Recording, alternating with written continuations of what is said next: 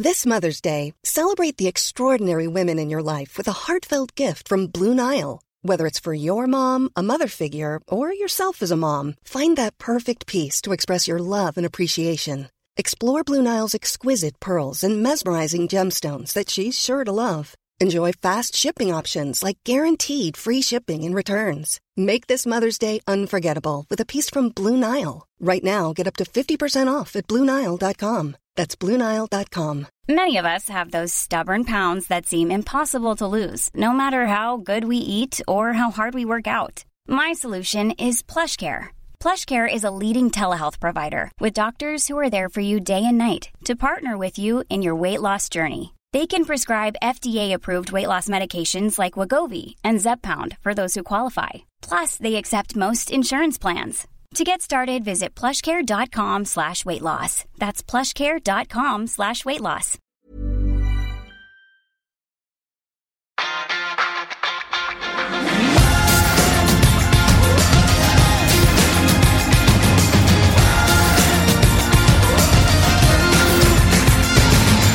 Can't believe it. Football, bloody hell.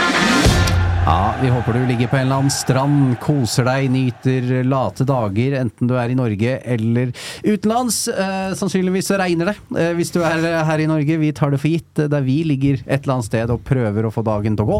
Eh, vi skal prøve å få dagen til å gå her også. Eh, vi skal eh, Vet ikke om mimre er ordet, men vi skal eh, Fredrik skal blåse litt sin egen trompet, som det er direkte oversatt fra, fra engelsk.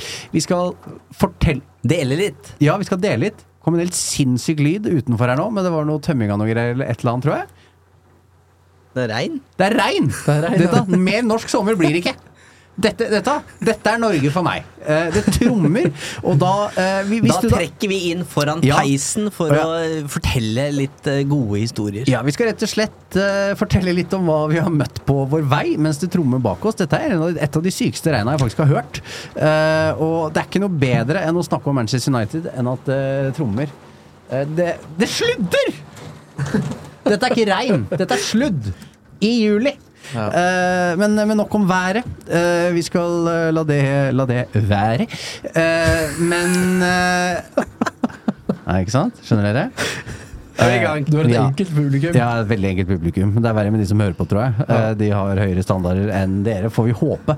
Eh, Men eh, det er jo så, så sånn at eh, vi tre har jo, eh, uten å skryte, som man sier når man skal skryte, opplevd eh, litt av hvert eh, i forbindelse med våre møter med Manchester United. Spillere, reiser, eh, hva enn det skulle være. Og det skal vi snakke litt om i dag, rett og slett i ferien.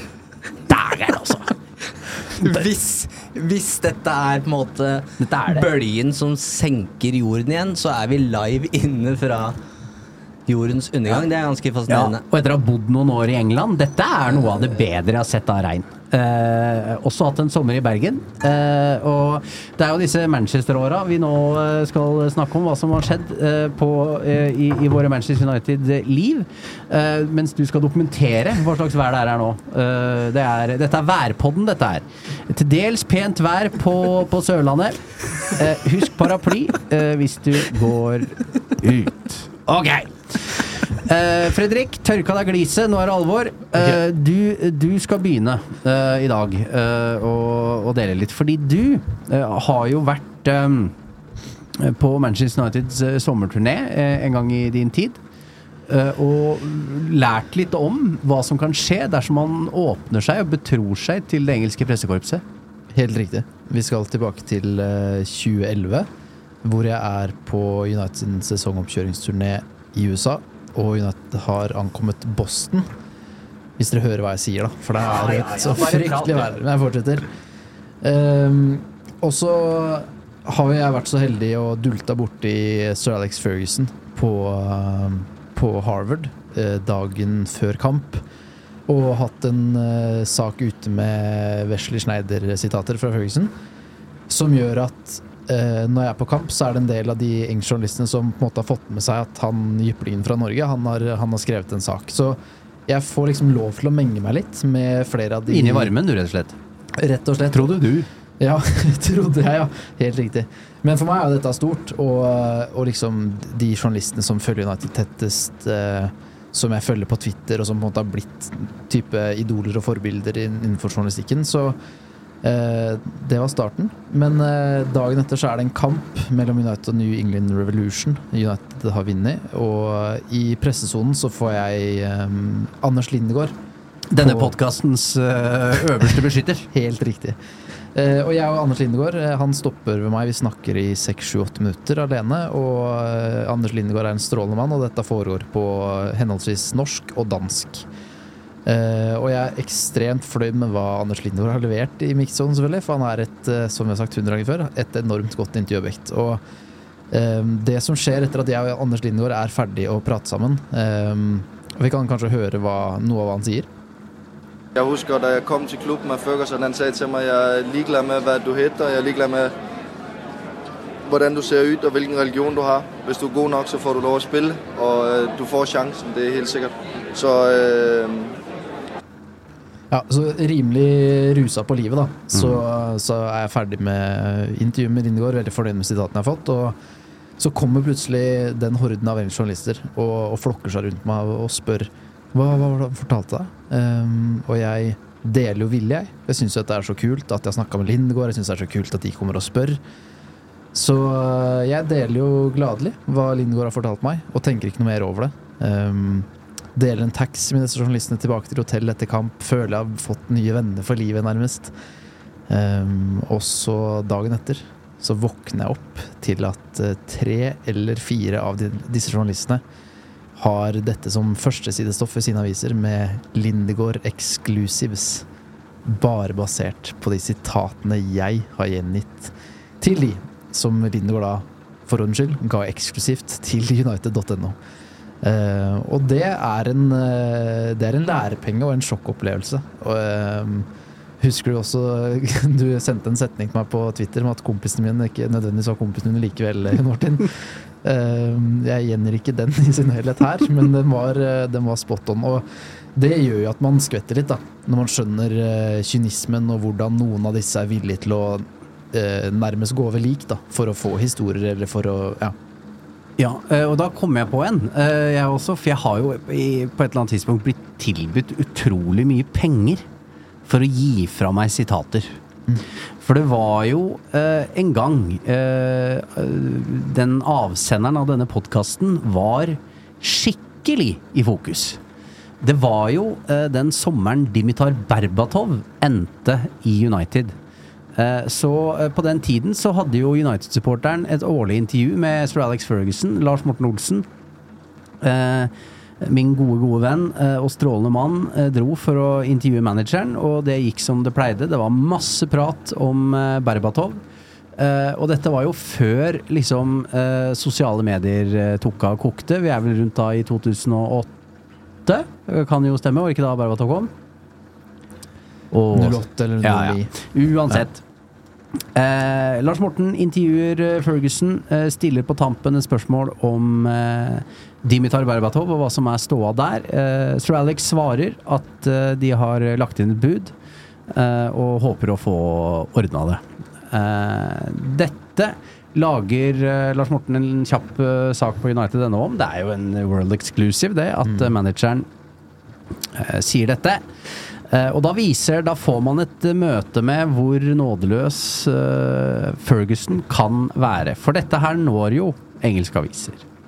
Uh, og det, det blir et he- helsikes styr. Uh, og jeg blir mannen som får uh, oppgaven med å transkribre, transkri, transkribere hele eh, dette intervjuet. eh, høre gjennom teipen. eh, og det var et eh, intervju der det var veldig bråkete i resepsjonen på Carrington. Eh, for hvert fall før, da jeg gjorde intervju, det var før de fikk egne rom og sånn, hvor du satt og gjorde intervjuer. Det var stort sett ute i resepsjonen. Og der kunne det jo ved Cath, som sitter i, i resepsjonen der, være masse folk. Det kunne være postmenn som kom for å levere ting, det kunne være familie altså Det kunne være mye folk der. Så det er litt sånn støyete på den båndopptakeren. Eh, Så jeg får da eh, oppgaven med å hakke ned samtlige sitater på engelsk som Manchester United da vil ha. Uh, for å eh, lese gjennom, uh, og at alt er på stell. Og jeg hører gjennom, og Lars Morten har alt uh, på på det tørre. Han, han gjør ikke noe gærent. Eh, men dette gjør det jo litt knotete opp mot disse forhandlingene med Tottenham. De vil jo ikke ha dette her offentlig. Eh, og dette var jo en kjempesak i, i, i mange dager, og Alex Ferguson nekter jo for at han har sagt det. Likevel.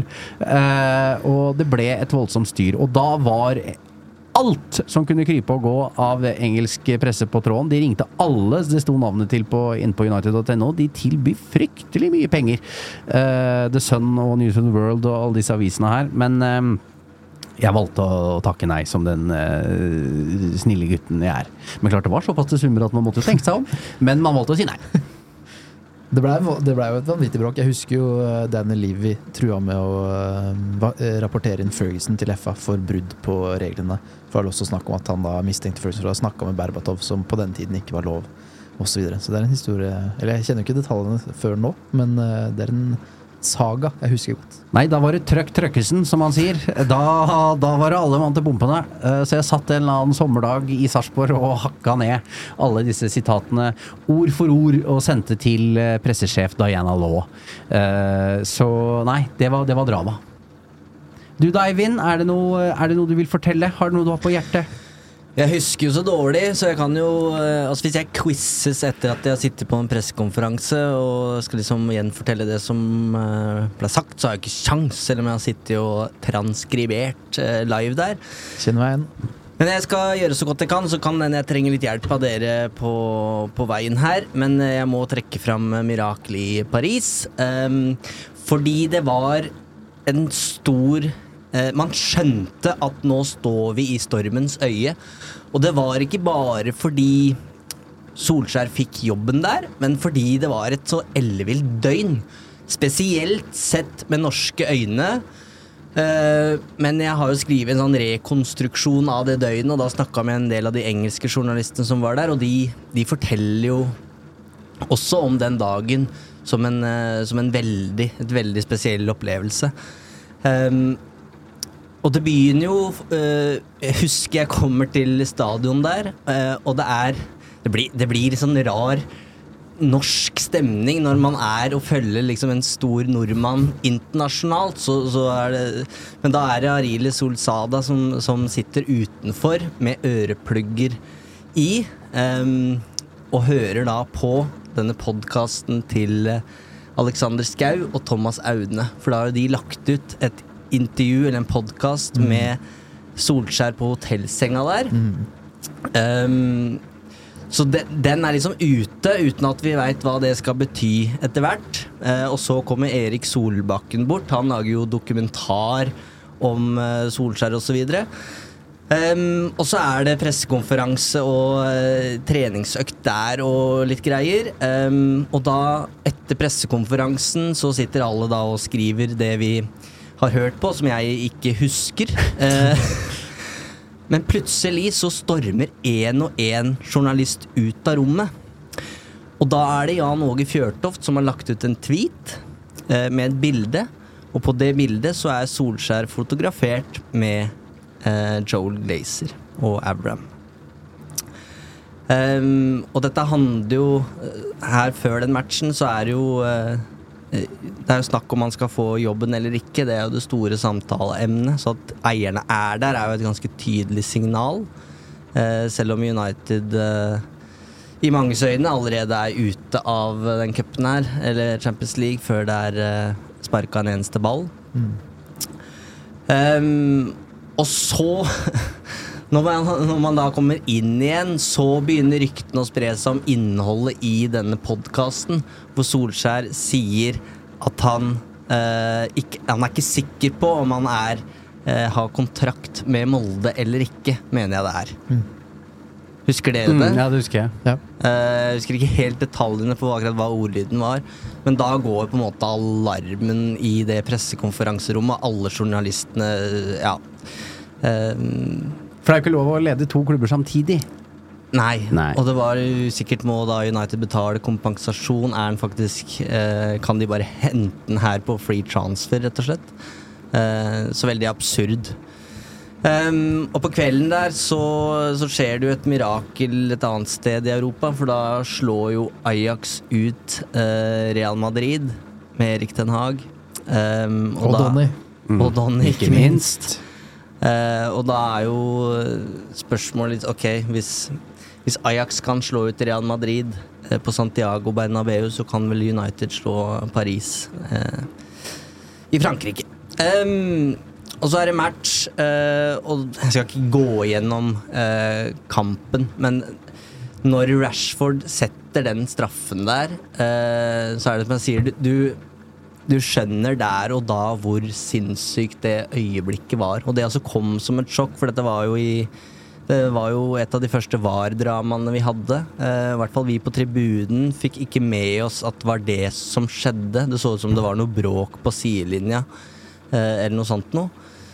Um, og jeg husker fortsatt det derre um, brølet som kommer når, du, når de skjønner at det er straffespark. Um, hvor det bare er 40 000 franskmenn som mister eh, troen på alt, og du har Neymar på sidelinja. Neymar! ja, til gode venn.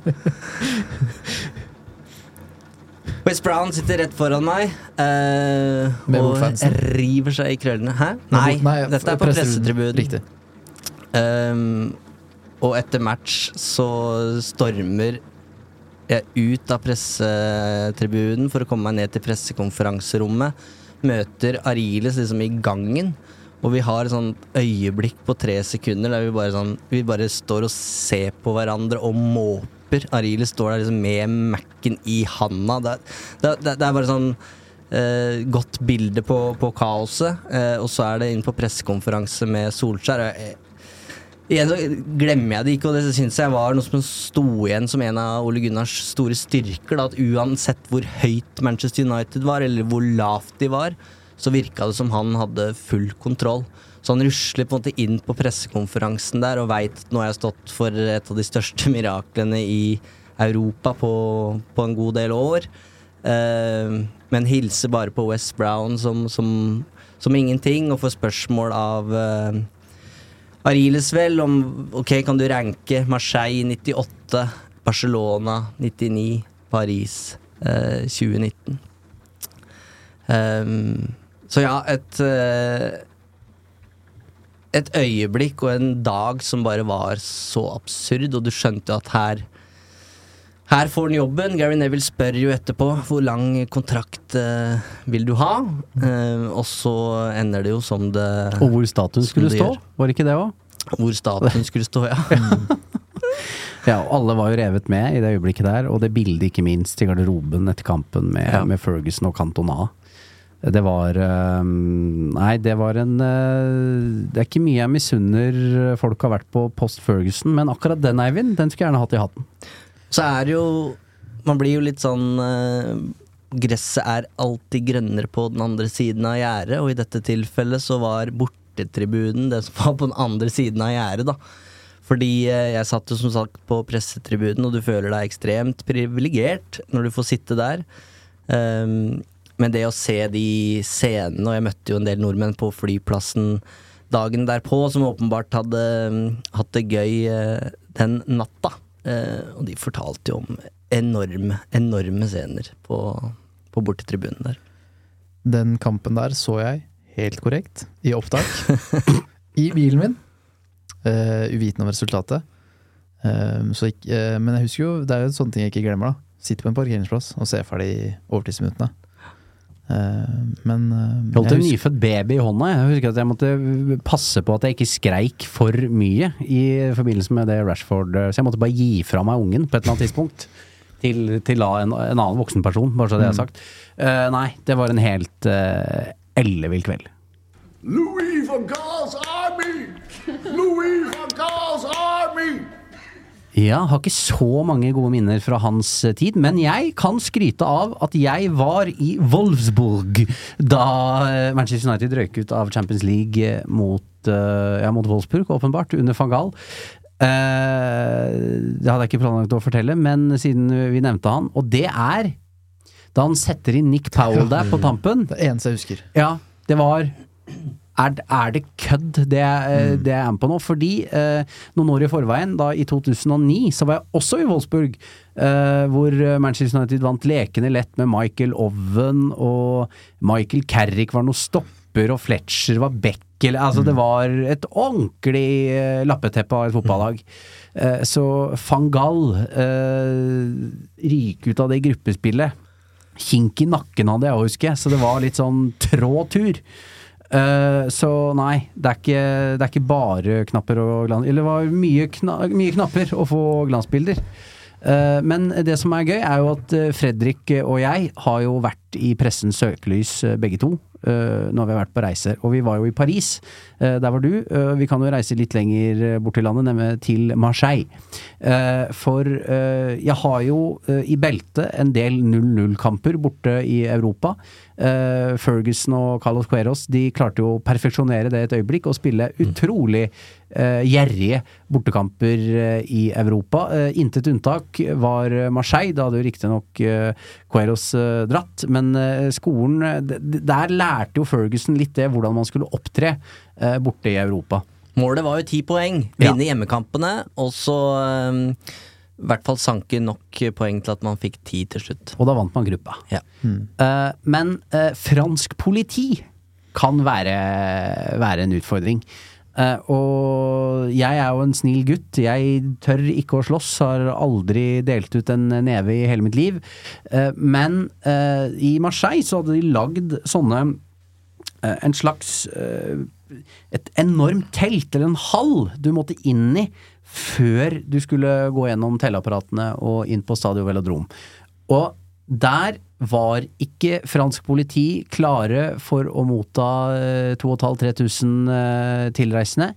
Eh, Så det de da gjør, de spør jo ikke, de slår. Eh, Så det ble jo noen scener inni der med tåregass og batonger, og jeg fikk det på skinnleggen. Og hvis, hvis du har slått deg på skinnleggen, eh, hvis du sparker borti et eller annet med skinnleggen, det er vondt, det. Men hvis du får en sånn batong, det er vondt, det. Men hvordan starter der. For de står vel ikke klare med batongen og velkommen nei, altså de eh, var, hit? altså de, det, det kom for mange samtidig etter deres smak, da. Var helt åpenbart. Og så blir det jo litt pressing bak, fordi det, det tok jo så lang tid at eh, kickoff var jo i ferd med å skje her. Uh, og da er de veldig aggressive, fransk politi. De har jo et dårlig rykte, spør Liverpool-fansen blant annet òg. det er eh, så det var en skremmende ekkel opplevelse. Eh, men du lagde jo enda altså Du er jo mer attention seeker, Fredrik, så du, han, du, så du holdt jo på veldig borti Leeds der. Ja, jeg holdt på veldig borti Leeds der, ja. Eh, Var det nei, du men som starta? Hooliganen. Kjør, da. Eh, nei, men eh, jo, fra en politihistorie til en annen. Så jeg skal på det er Carling Cup. United møter Leeds borte. Jeg mener at du i forkant, du og Mark Ogden, eh, sender meg sånn vennlig advarsel. Eh, ta godt vare på deg selv. Jeg er ikke helt sikker på om du veit hva du går til, men, men vær forsiktig, liksom. Og så underveis i kampen så merker du at det hatet mellom supporterne, det er altså så Det er så vanvittig. Og det synges om München, og det synges om Tyrkia, og det går begge veier, da. Eh, og etter kampen, som United vinner 3-0, mener jeg husker, eh, så blir United-fansen holdt igjen i x antall minutter. Det kan ha vært 45, det kan ha vært 60, eller det kan ha til og vært 90. Um, og idet vi blir sluppet ut, så forventer jeg at da har Leeds-fansen reist hjem, og da er det trygg bane tilbake til sentrum for min del. Men uh, allerede idet jeg kommer utenfor salen, så begynner det å hamre med glassflasker i, i retning oss. Jeg hører bare at det knuser rundt meg, uten at jeg egentlig skjønner noe. Og da er det Leeds-fansen som gjemmer seg i buskene rett over gata, da. Og øhm, jeg kjapper meg så fort jeg kan videre, holder hendene over hodet og er, er ordentlig redd. da. Eh, og de første politimennene jeg møter, så spør jeg hva, hva er tryggest vei tilbake til sentrum. Og de peker meg bare i den retningen her. Ned til venstre, eh, og der er det en gangvei, og så rundt et hjørne så er det et bygg. da. Og så jeg, jeg bare gjør som politiet sier, går der de ber meg om. Og så når jeg kommer ned dit, så er det da, så er det satt fyr på noen søppelbøtter, og det er brannbiler og brannmenn som prøver å slokke disse. Og da har jeg blitt gjenforent med vennene mine som satt med hjemmefansen for anledningen, men som var United-fans, så de måtte også oppføre seg ordentlig pent. Og da har vi blitt gjenforent, og liksom når du er en del Da har det på en måte blitt trygt for oss, da. Da er det bare oss, og det brenner litt, og det blir på en måte en sånn turistattraksjon. Opp med telefonen og filme, og wow, det her brenner og skikkelig heftige greier. Og så plutselig så begynner det å hagle med stein over hodene på oss. Og da skjønner jeg at ok, her er vi også i fare. Men like, like etterpå så hører vi at det kommer en sånn Og det er politiet som kommer eh, som en armé nedover den, nedover den veien de har sendt meg. Og da er jo refleksen med at nå er jeg trygg, for nå kommer politiet og passer på meg. Mm. Men idet de nærmer seg, så ser jeg at de trekker opp batongen Oi, og begynner å spurte mot meg. Og jeg rekker ikke å tenke noe annet enn at jeg har ikke gjort noe gærent. Så jeg strekker bare hendene i været, og det verste jeg kan gjøre, er på en måte å løpe. Da blir jeg medskyldig, tror jeg rekker å tenke. Men så kommer det etter hvert så nært at jeg skjønner at hvis ikke jeg snur meg og løper nå, så får jeg deng. Og de roper skøm mens de løper mot meg. Og, og kompisene mine de, de løper nok litt før meg. Eh, og idet jeg snur meg for å løpe, så sklir jeg da på underlaget og tryner. Og da, da kan du tro politiet koser seg. Altså. Så de, eh, de tar og slår meg mens jeg ligger nede på bakken, og jeg beskytter bare huet mitt. Og de slår meg i knærne, og de, de slår og de koser seg ordentlig. Det, det virker som de har det ordentlig gøy på jobb. Eh, og så slutter de etter hvert å slå, og idet jeg da skal prøve å komme opp, for jeg har jo vondt i beina og sånn, da, så tar jeg hånda mi ned på asfalten for å prøve å reise meg opp, og da får jeg et slag oppå håndleddet, som bare er sånn ordentlig ondskapsfullt, da, for de sier egentlig at jeg kan gå, men de gir meg en sånn siste slag på lanken her. Eh, og så er det noen sånn elleville scener etter her, for vi er på en sånn helt åpen gresslette hvor det er helikopter i lufta. Så du føler at du er med i Prison Break og er på rømmen. Og jeg, jeg, jeg begynner å tenke at nå, nå skyter politiet. Du, man blir helt satt ut av hele opplegget her. Og det, det ble det mediesak av. Helt riktig. Og hva gjorde du? Kom du deg av gårde? Dro på legevakta. I Leeds? Eh, I Leeds. Eh, og så fikk jeg konstatert at det var en forslått hånd, eh, ikke brukket, selv om det føltes sånn. Eh, og så trøste vi oss med å dra på kasino og ha det gøy eh, utover nattetimene. Så det Men jeg husker at eh, jeg tok jo telefonen og Dagbladet ringte eh, og spurte hva som hadde skjedd. Og tenker ikke noe mer over at dette kom jeg potensielt dårlig ut av. Men kommentarfeltene, der, de var sikre på at dette var en berusa tulling som hadde oppført seg dårlig og som løy. da. Så jeg så ikke den komme i det hele tatt. De anklaga om at eh, ja, ja, særlig at du ikke har gjort noe gærent her. Men det, det for meg gjør at når jeg er i England og ser politi, så veit jeg at de er trigger-happy. Der er det bare å ikke stole på at de på en måte Så jeg er litt var, da. Litt forsiktig med å stole på at de nødvendigvis vil meg det aller beste. Lærepenge. Savner du Leeds? Jeg skal ikke tilbake til Liverpool først. Jeg har ikke planer om å dra tilbake til Leeds heller. En av de første turene supporterklubben arrangerte, gikk jo til Ellen Road. Mm. Og de visste nok heller ikke helt hva de gikk til på det tidspunktet. Um, I hvert fall ikke de som reiste. Um, og det er jo ikke noe um, Ikke like alvorlig som historien din, Fredrik, men da forteller Per eh, Harald Larsen eh, Pappa Per. at det er en familie på tur med en noe mm, prektig eh, mamma. Eh, som om hun ikke kom i høyhæla sko, så var det i hvert fall ikke langt unna. Og så, eh, etter hvert som kampen går sin gang, så kommer det flyvende beger med piss over eh, de norske United-supporterne på tur. Så det- en tøff topp. Si, Det er en klassiker. Jeg har da fått mine urindråper kasta over meg på Anfield. Så det ha på deg regntøy når du er ute og reiser, eh, pleier jeg å si.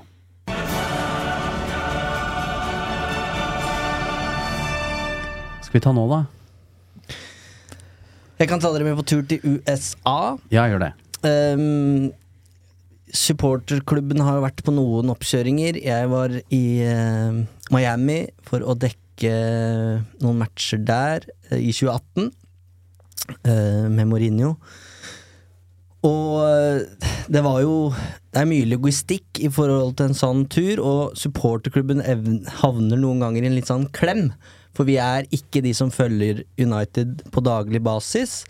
Eh, og vi er heller ikke en vanlig supporterklubb. Men vi hadde fått akkreditering, alt var i orden.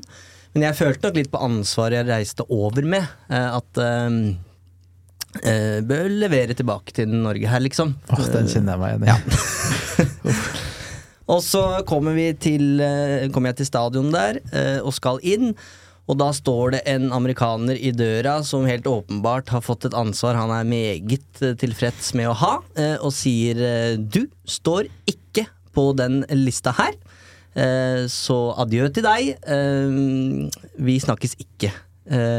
Veldig bestemt. Uh, og da tenker jeg ok, da har vi reist til USA her, og jeg kommer rett og slett ikke inn når Manchester United skal spille mot Liverpool. Uh, hva gjør jeg nå? Eh, prøver å få tak i i Dag, men det er ikke dekning på rundt stadion der, så jeg ender med å liksom måtte gå 20 minutter bort fra stadion for å få kontakt med han. Og så ender det med at jeg reddes av uh, en, av en i klubben som uh, Jeg ringer vel rett og slett og ber på mine knær. Altså sånn Jeg har kommet fra Norge her, skal dekke United, og jeg, jeg, jeg kan ikke stå utafor her i 90 minutter når United skal spille nå. Så ja, eh, man kan si mye om Manchester United, men eh, der kom på en måte supporterklubbens gode relasjon til, eh, til klubben til nytte. Eh, kom meg inn og møtte han eh, sjefen eh, der inne, og kunne bare glise og nikke, så det var deilig. Takk for sist. Takk for sist.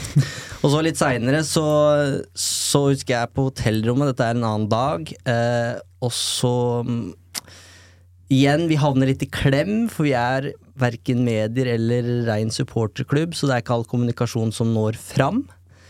Um, og så ser jeg på telefonen at det legges ut bilder på Twitter fra de engelske journalistene om at United trener. Ingen god følelse å være i eh, USA, og du skjønner at her er det en åpen trening som jeg ikke er informert om. Eh, sender melding til samme person som, som redda meg i den matchen mot eh, Liverpool, og han sier eh, og spør er, er det planlagt noe medieaktiviteter i dag. Eh, og han sier hvis du er på det hotellet her om 30 minutter, eh, så, så kan du få intervjuer. Og så slår jeg inn den adressen på Google Maps, og der står det 40. Så jeg kaster meg i den Toyotaen jeg har eh, leid meg, og kjører til det hotellet her. Og det, det var ganske stressende, fordi dette er et sånn sekstjerners hotell midt i Miami City. Og eh, det å på en måte ha dårlig tid samtidig som Men du skal Men selvtilliten din var litt lav, kanskje? ja, ja. noe stressa der. Eh, ikke sånn Veldig gira på å kjøre bil i Miami sånn i utgangspunktet, og så skal du fort fram, og i tillegg ha litt i bakhuet Ok, hvis, jeg, hvis det er han, hva skal jeg hva skal jeg spørre han United-spilleren om? Hva skal jeg spørre han om? Ikke sant? Så ja, jeg kommer meg fram uten å krasje, um, og må levere fra meg da den Toyotaen til en sånn hotellansatt som skal parkere den for meg. Aldri følt meg så liten, altså. Det, det var Ferrarier og det som verre er på ved inngangen der. Så kom jeg med min lille Toyota. Han så jo bare på nøkkelen og bare ok. Hva gjør han her? Hva gjør han her? Men jeg kommer meg inn og får, eh, får eh, Kommer i tide og får intervjua Andre Herrera og Chris Smalling. Um, så det blei en god dag eh, til slutt. Eh, og på vei ned så eh, tar jeg heisen, og inn i, eh, inn i heisen kommer Ed Woodward. Og resten av den historien der, den deles i en annen sommerepisode av Uno. I'm Sandra, and I'm just the professional your small business was looking for. But you didn't hire me because you didn't use LinkedIn jobs. LinkedIn has professionals you can't find anywhere else, including those who aren't actively looking for a new job but might be open to the perfect role, like me. In a given month, over 70% of LinkedIn users don't visit other leading job sites. So if you're not looking on LinkedIn, you'll miss out on great candidates like Sandra. Start hiring professionals like a professional. Post your free job on linkedin.com/people slash people today. Everyone knows therapy is great for solving problems, but getting therapy has its own problems too, like finding the right therapist, fitting into their schedule, and of course, the cost. Well, BetterHelp can solve those problems. It's totally online and built around your schedule. It's surprisingly affordable too. Connect with a credentialed therapist by phone, video, or online chat, all from the comfort of your home. Visit betterhelp.com to learn more and save 10% on your first month. That's BetterHelp H E L P. Denne episoden er sponset av Hello Fresh. Nå som det drar seg mot slutten av en lang sesong, trenger vi United-supportere skikkelig næring. Med gode og ferske råvarer fra Norge gjør Hello Fresh det til en lek å lage de herligste retter fra hele verden. Du velger bare hvor mange som skal spise, og hvor mange oppskrifter du ønsker ukentlig. Så får du alle ingrediensene du trenger, levert på døra. Personlig syns jeg det beste med Hello Fresh er at du kan skreddersy din egen ukesmeny. Du kan velge fra fem forskjellige kategorier – vegetarisk, familievennlig, rask og enkel, fisk og grønnsaker, og smaker fra hele verden. Med 25 fristende oppskrifter hver uke kan du bli like uforutsigbar på kjøkkenet som Garnaccio er på Vingen. Selv må jeg si jeg er spesielt svak for asiatisk taco og den portugisiske kyllingburgeren. Som Uno-lytter kan du få opptil 1779 kroner rabatt på de seks første matkassene dine, og gratis frakt med første leveranse. Så det er bare å komme seg inn på hellofresh.no og bruke koden FreshUnited. Dette gjelder for de som ikke har prøvd Hello Fresh ennå, og for de som tidligere har vært kunde, men som har stoppet abonnementet for minst tolv måneder siden. Oi, for en tease. Ja. Snakk om å kile. Det Ja. var Del snakk om å kile. Det er eh, Nei da, men eh, det, da, da gleder vi oss til det. Eh, Men det er jo noe med det reiser. Altså det er så mye man ikke rår over. Altså man får Man sier man har fått akkreditering. Jeg husker også det ene der da jeg var i, i 2010, var vel det. Eh, og skal på en eller annen åpen trening i Philadelphia, og du sier du kommer inn, og så står det en eller annen sånn slem vakt og sier at nei, du skal ikke inn. Men så må du krangle deg inn på et eller annet vis. Da jeg kom meg også inn på et eller annet, eh, et eller annet nivå. Eh, men en annen reise jeg har, var jo til eh, Jeg fløy til Amsterdam. eh, da Lars Morten Olsen og jeg skrev en bok om Ole Gunnar Solskjær i sin tid. Eh, og så skulle vi, hadde jeg ordna en eller annen avtale med Jipp Japp Stam. Eh, og uh, sette meg på toget til Svolle. Der har ikke dere vært. Uh, bare så, bare så det er sagt. riktig. Der har dere ikke vært. Pekksvolle, som eh, klubben heter. Um, hvor han da var assistentmanager, tror jeg faktisk han var. Eh, og for, vi skulle ta en eh, lengre prat om eh, Ole Gunnar, og det var superhyggelig.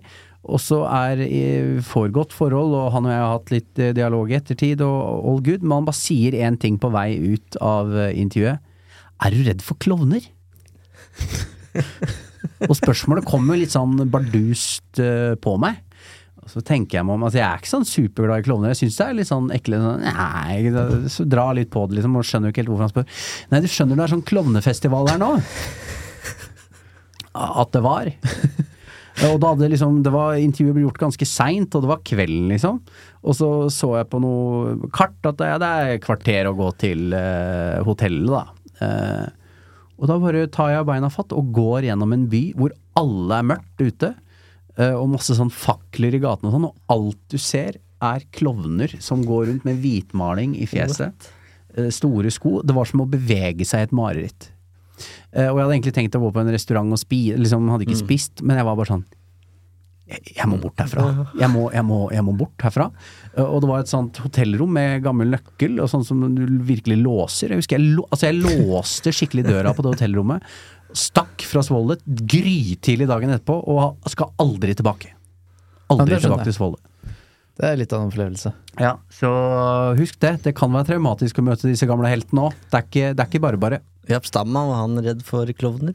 Nei, han tror jeg ikke er redd for noen ting. Uh, men en uh, veldig fin kar, altså. Det må jeg si. Uh, god gutt.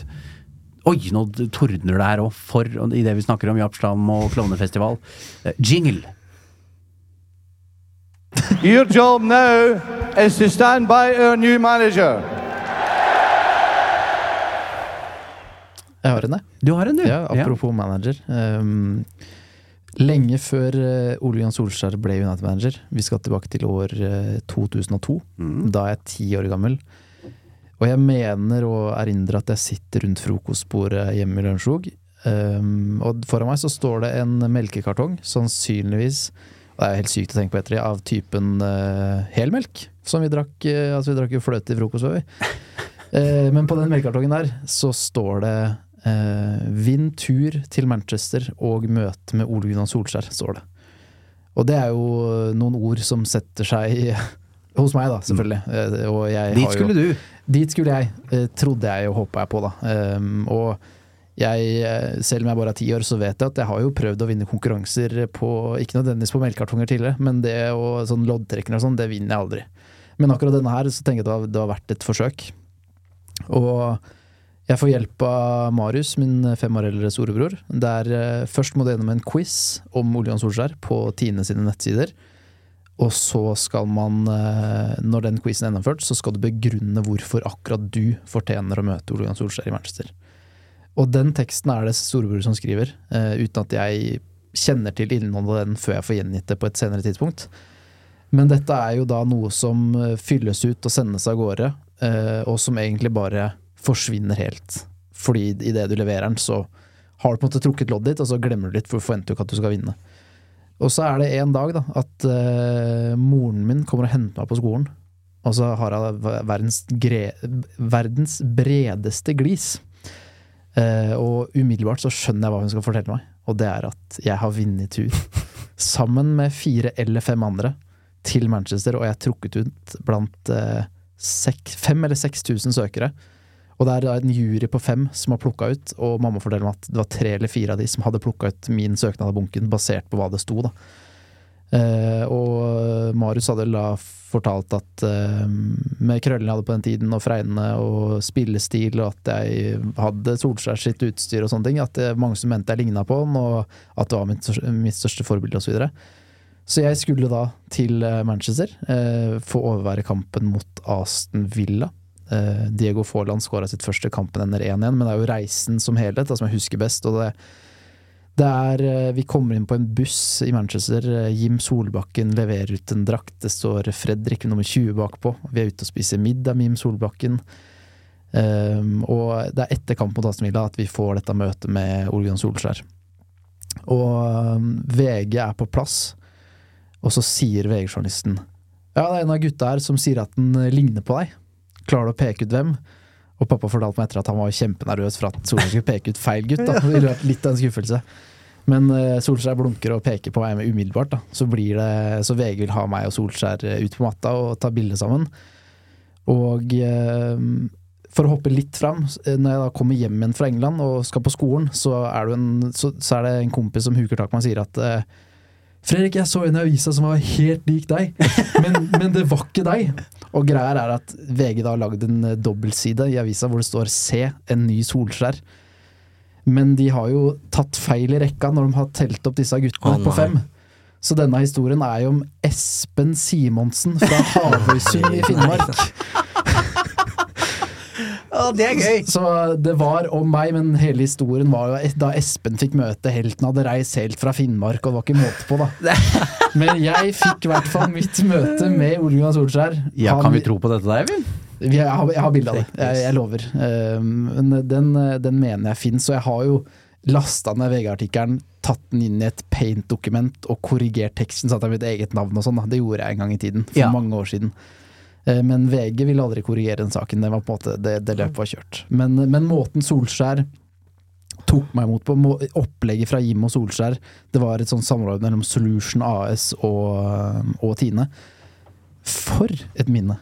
Helt sinnssykt. Og så skulle vi opprinnelig også trene. Få være med på en treningsøkt med United. Eh, Men da hadde Ferguson bestemt seg for at de skulle ta reise av gårde for bortkamp mot Makabi Haifa en dag tidligere enn opprinnelig planlagt. Så den utgikk. Men likevel, da. Et helt sånn sinnssykt minne. Mye vil ha mer. Men det, det, det der er faktisk, den, er, den der er god, Fredrik. Altså, men jeg syns den også løftes av at du står på trykk at du heter Espen. Ja.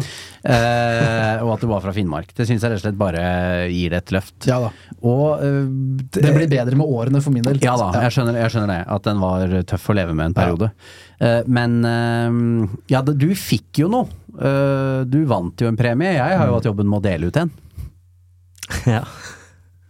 Ja, hvor eh, Dele ut en premie. Vi skal vel til Viking ja, ja. Jeg har, jo, jeg har jo fortalt denne her i ulike steder før, men jeg kan jo dra den igjen. Eh, Supporterklubben har jo alle hår kåra årets spiller i Skandinavia.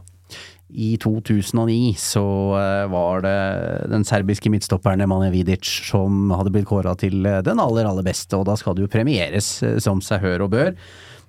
Jeg hadde akkurat flytta til Manchester uh, i supporterklubbens leilighet uh, på Piccadilly. Uh, mitt første virkelige oppdrag var rett og slett å intervjue Nemanja Vidic.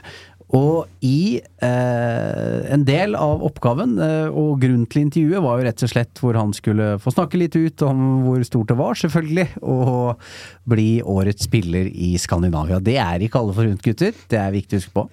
husker veldig godt at dette vikingskipet da eh, ble sendt over eh, per post. Så jeg var nede på post, et postkontor i Manchester og henta dette her. Og jeg hadde ikke sett dette vikingskipet før, så jeg var jo veldig spent på hvordan det så ut. Altså, er det svært? Er det, er det gull? Er det, men det var ikke det. Det var et ganske ja, en, en pokal, liksom. Bare med en vikingskip. Avbryter deg litt, fordi hvis du, er, eller hvis du lurer på hvordan dette vikingskipet ser ut, så er det bare å gå inn på Instagram-profilen til Brune Fernandes og se, for det, han har et slikt plassert i sin stue. Som synes veldig godt på et av bildene han nylig la ut. Så han har det rett og slett der? Han har det rett og slett. Det er stas. Jeg har ikke sett noen stuebilder fra Nemanja. Eh, og jeg var 19 år, veldig tjukk på, på den tiden. Husker jeg gikk på uh, klesbutikken Next og kjøpte meg en genser med innsydd krage i, uh, som så veldig snasen ut. Tok meg noen dressko og mine flotteste jeans og satte meg i taxien og dro til Carrington. Eh, og så merker jeg at når jeg gir Ja, gratulerer med Han var sikkert ikke sånn superdrilla i hva han skulle motta, eh, Vidic. Eh, tar imot dette vikingskipet, og jeg ser på hele ansiktet hans at han tenker Men hva skal jeg med dette? og det er jo litt sånn det var liksom mitt første skikkelige intervju med en, eh, en United-spiller, og det var jo en litt sånn nevrotisk dag for meg. Altså, eh, men så jeg har tatt et bilde. Eh, Det kan vi sikkert bruke i en eller annen SoMe-sekvens, hvor Nemanja Vidic tappert holder opp sitt vikingskip eh, utdelt av yours truly. Så alt man skal oppleve. Jeg skjønner at det er vanskelig for en serbisk United-kaptein å på en måte mm, trekke helt sammenhengen der.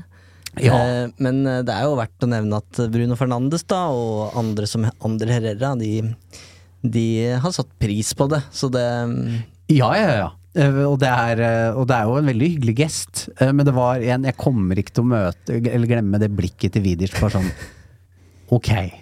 Litt som da Arsen Wenger fikk et sverd, vel, da han var i Stavanger med sitt Arsenal på et eller annet tidspunkt. Litt Ja, hva, og, og, og hvor tar vi det derfra? Er, er litt Men det beste premien som noen gang er delt ut, er jo selvfølgelig til Mark Hughes.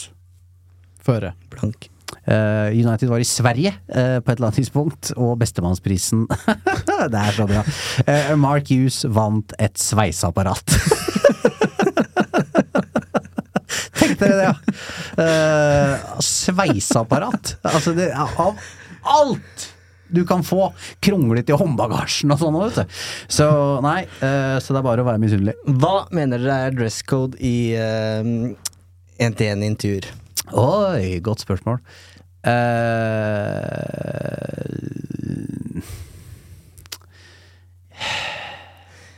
Jeg har nemlig en teori om at du kler deg etter hvem du møter. ja. Så hva mener du? Nei, bare Mange dresser seg jo veldig opp, og det er dress og slips og lakksko, nærmest. Så hvis du er på pressekonferanse på Carrington, så kan du se Oi, han, eh, han har et intervju etterpå. Han har ikke dre- For pressekonferansene er som regel veldig lite formelle. I Champions League så kan du se at folk eh, gjør, gjør en liten ekstra effort. Men du dresser deg veldig opp da i eh, ja, ditt fineste slips osv., og, så videre, og så møter du en fyr som sitter der i joggedress med Ja. joggesko. Ja. Uh, og det er, det er et godt poeng. Uh, så jeg, jeg har vel lagt meg på en skjorte slags pen buksevariant. Men hvis du Jeg veit jo Lars Morten alltid når du møter manageren, da er det dress. Eh, det var også da han møtte Cantona. Så, så ja, møter du kongen, så kler du deg deretter. Ja, jeg har en uh, fra altfor kort tid siden som jeg ikke har lyst til å fortelle. Jo, det må du nå. Da ta det, Ja, ja, ta det nå. Nå må jeg bare gjøre det. Ah, fader, altså. Det her liker jeg ikke. Vi skal det var, hjelpe deg. eh, Det var uh, på det arrangementet Solskjær i Manchester nå eh, i eh, mai, Ja. var det ikke? Hvor eh, kleskoden eh, på arrangementet Det står at det er smart casual, tror jeg det står. For meg er det sånn hva Ok, jeg vet hva casual betyr, men smart casual, eller hva det nå het. Så jeg googler det og føler at jeg får danna meg et bilde av hva dette betyr. Og før avreise så diskuterer jeg med kona liksom, skal jeg ta med dressen. Så føler jeg at jeg kommer til å være den eneste som er sånn ordentlig overpynta, og det ønsker jeg ikke. Og så jeg, jeg elsker å gå i dress, jeg skulle ønske jeg kunne gjøre som gutta i Suits og ha dress på jobb hver dag.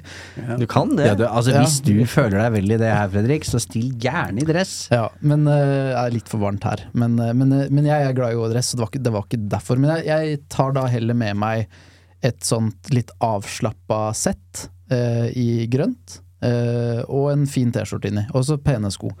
Og så kom jeg jo på det arrangementet, da. Og det er jo bare dresskledde menn med slips. Uh, og idet jeg ankommer det rommet, som jeg fortalte om tidligere med det møtet med Solskjær, så, så peker Solskjær ut meg da og sier Se på, se på nordmannen. Ja. Se, se åssen han har kledd seg sammenlignet med dere, liksom. Og jeg, jeg blir jo bare så forlegen. Og jeg har ikke lyst til å være der i det hele tatt når jeg ser at jeg har bomma. For jeg, jeg tenkte at kanskje dette også var litt for pent. At det var mer sånn rent og pent antrekk, men ikke pynta. Så jeg bomma grovt, da. Og bare følte meg som en ordentlig tulling. Men det har jeg lært jeg faren min tidlig. Skal du gjøre noe i England, så må du kle deg pent. Mm. for de er jo eh, De pusser jo ikke tenna og har det jævlig hjemme, men skal de først ut, så er det dress som gjelder. Men er dress og slips Er det smart casual? Eh, Ikke ifølge Google. Nei, Eh, men eh, Kanskje dressko. Ja, Ja. eh, for det er jo den evige Men jeg og Solskjær hadde like sko, bare så det er sagt. Han hadde kjøpt nye sko for anledningen. Nei, så, så jeg, jeg bomma ikke med sko. Tvillingene. ja. Nei, ja, hør. Nei, Se poenget det nye Solskjær! Ja, kjør deg, Espen. men eh, nei, så, men det, er, det, er, det er en fæl opplevelse. Og jeg er stort sett heller han som kommer for pynta sammenlignet med resten. Så det var en ordentlig sånn ripe i lakken min. For underdressed, det er noe dritt. Det er, noe, det er fælt, ass. Ja. Men uh, godt å høre at det går bra med deg. Det er så vidt. Vi har eh, fått en tilsendt historie også. Fra mm, en eh, ivrig um, United-supporter som eh, hjelper oss mye, Eivind. Hvis eh, det er noe vi ikke har kontroll på, så har han full kontroll. Så han, eh, han passer på oss og lytter også til podkasten. Kenneth Solli heter han, og han, eh, han har en fin historie fra noen år tilbake. Da skal vi tilbake til året 2002. En lokal Lørenskog-gutt, undertegnede, hadde fått nyss om at de kommende ligamesterne skulle legge deler av preseason på norsk jord. Og det til og med i min egen kommune.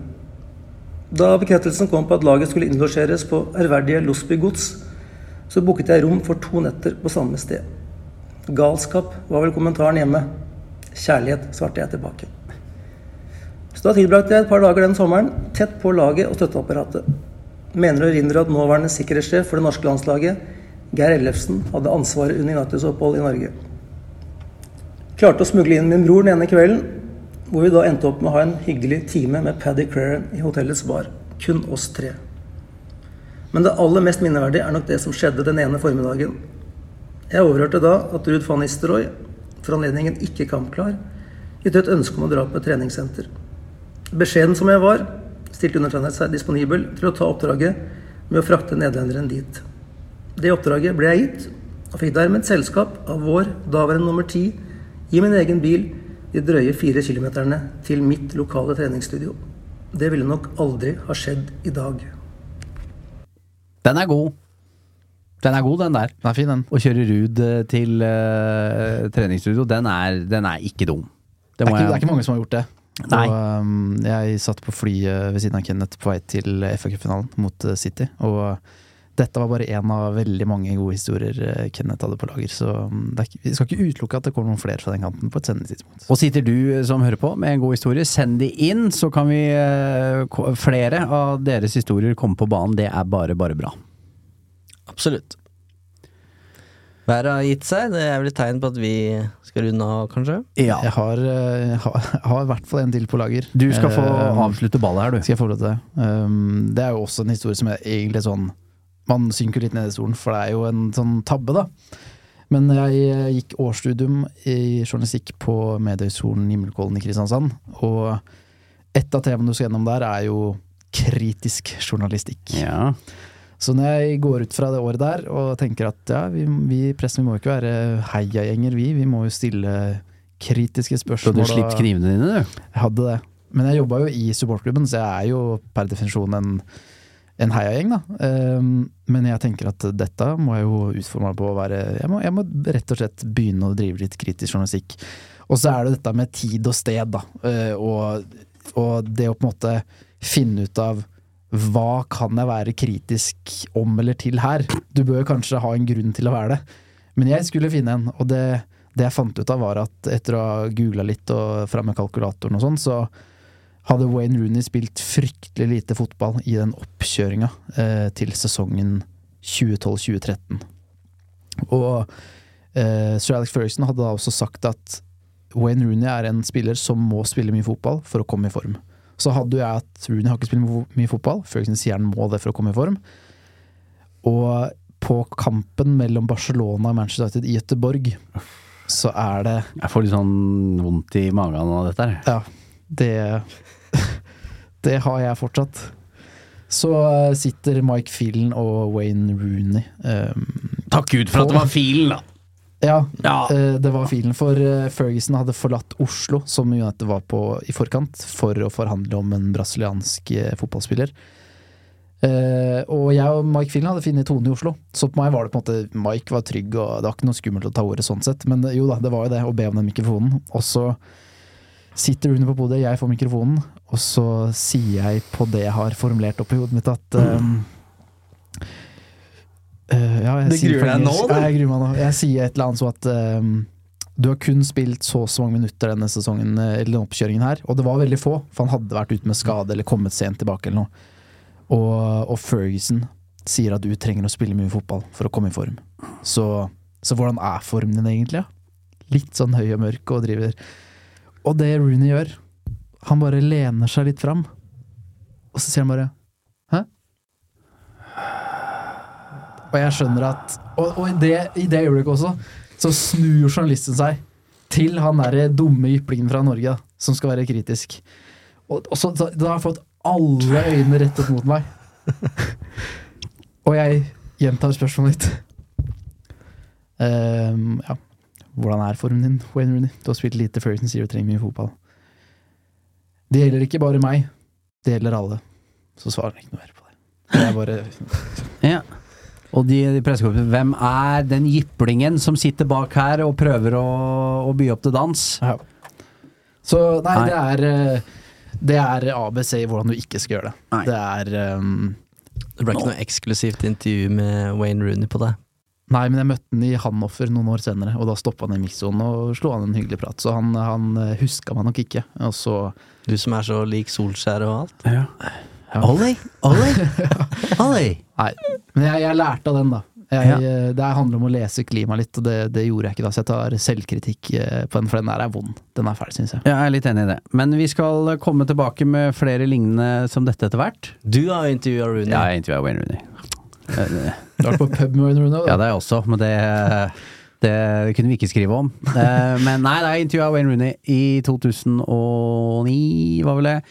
Eh, starta dagen klokka ti med Bobby Charlton, så var det klokka tolv var det Ryan Giggs, og så var det klokka to Wayne Rooney, var det vel.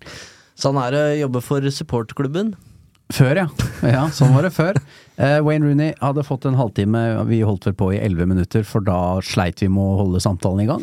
Han uh, så på klokka fra første stund, uh, ville ikke være der, og hadde bedre ting å ta seg til. Jeg klandrer han ikke for det, men han kunne jo bydd litt mer på seg selv da jeg først møtte han.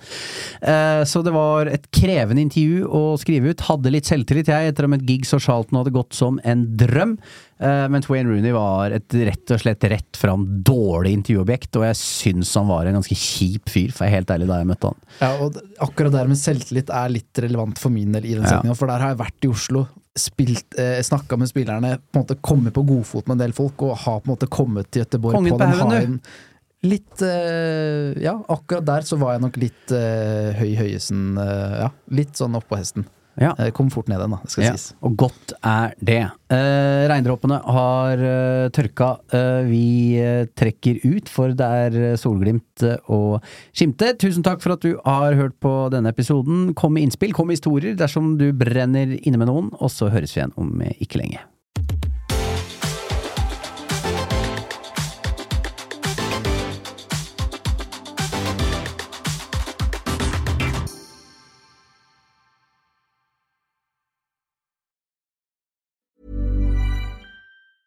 Mom deserves the best, and there's no better place to shop for Mother's Day than Whole Foods Market. They're your destination for unbeatable savings, from premium gifts to show-stopping flowers and irresistible desserts. Start by saving 33% with Prime on all body care and candles. Then get a 15-stem bunch of tulips for just $9.99 each with Prime. Round out Mom's menu with festive rosé, irresistible berry chantilly cake, and more special treats. Come celebrate Mother's Day at Whole Foods Market.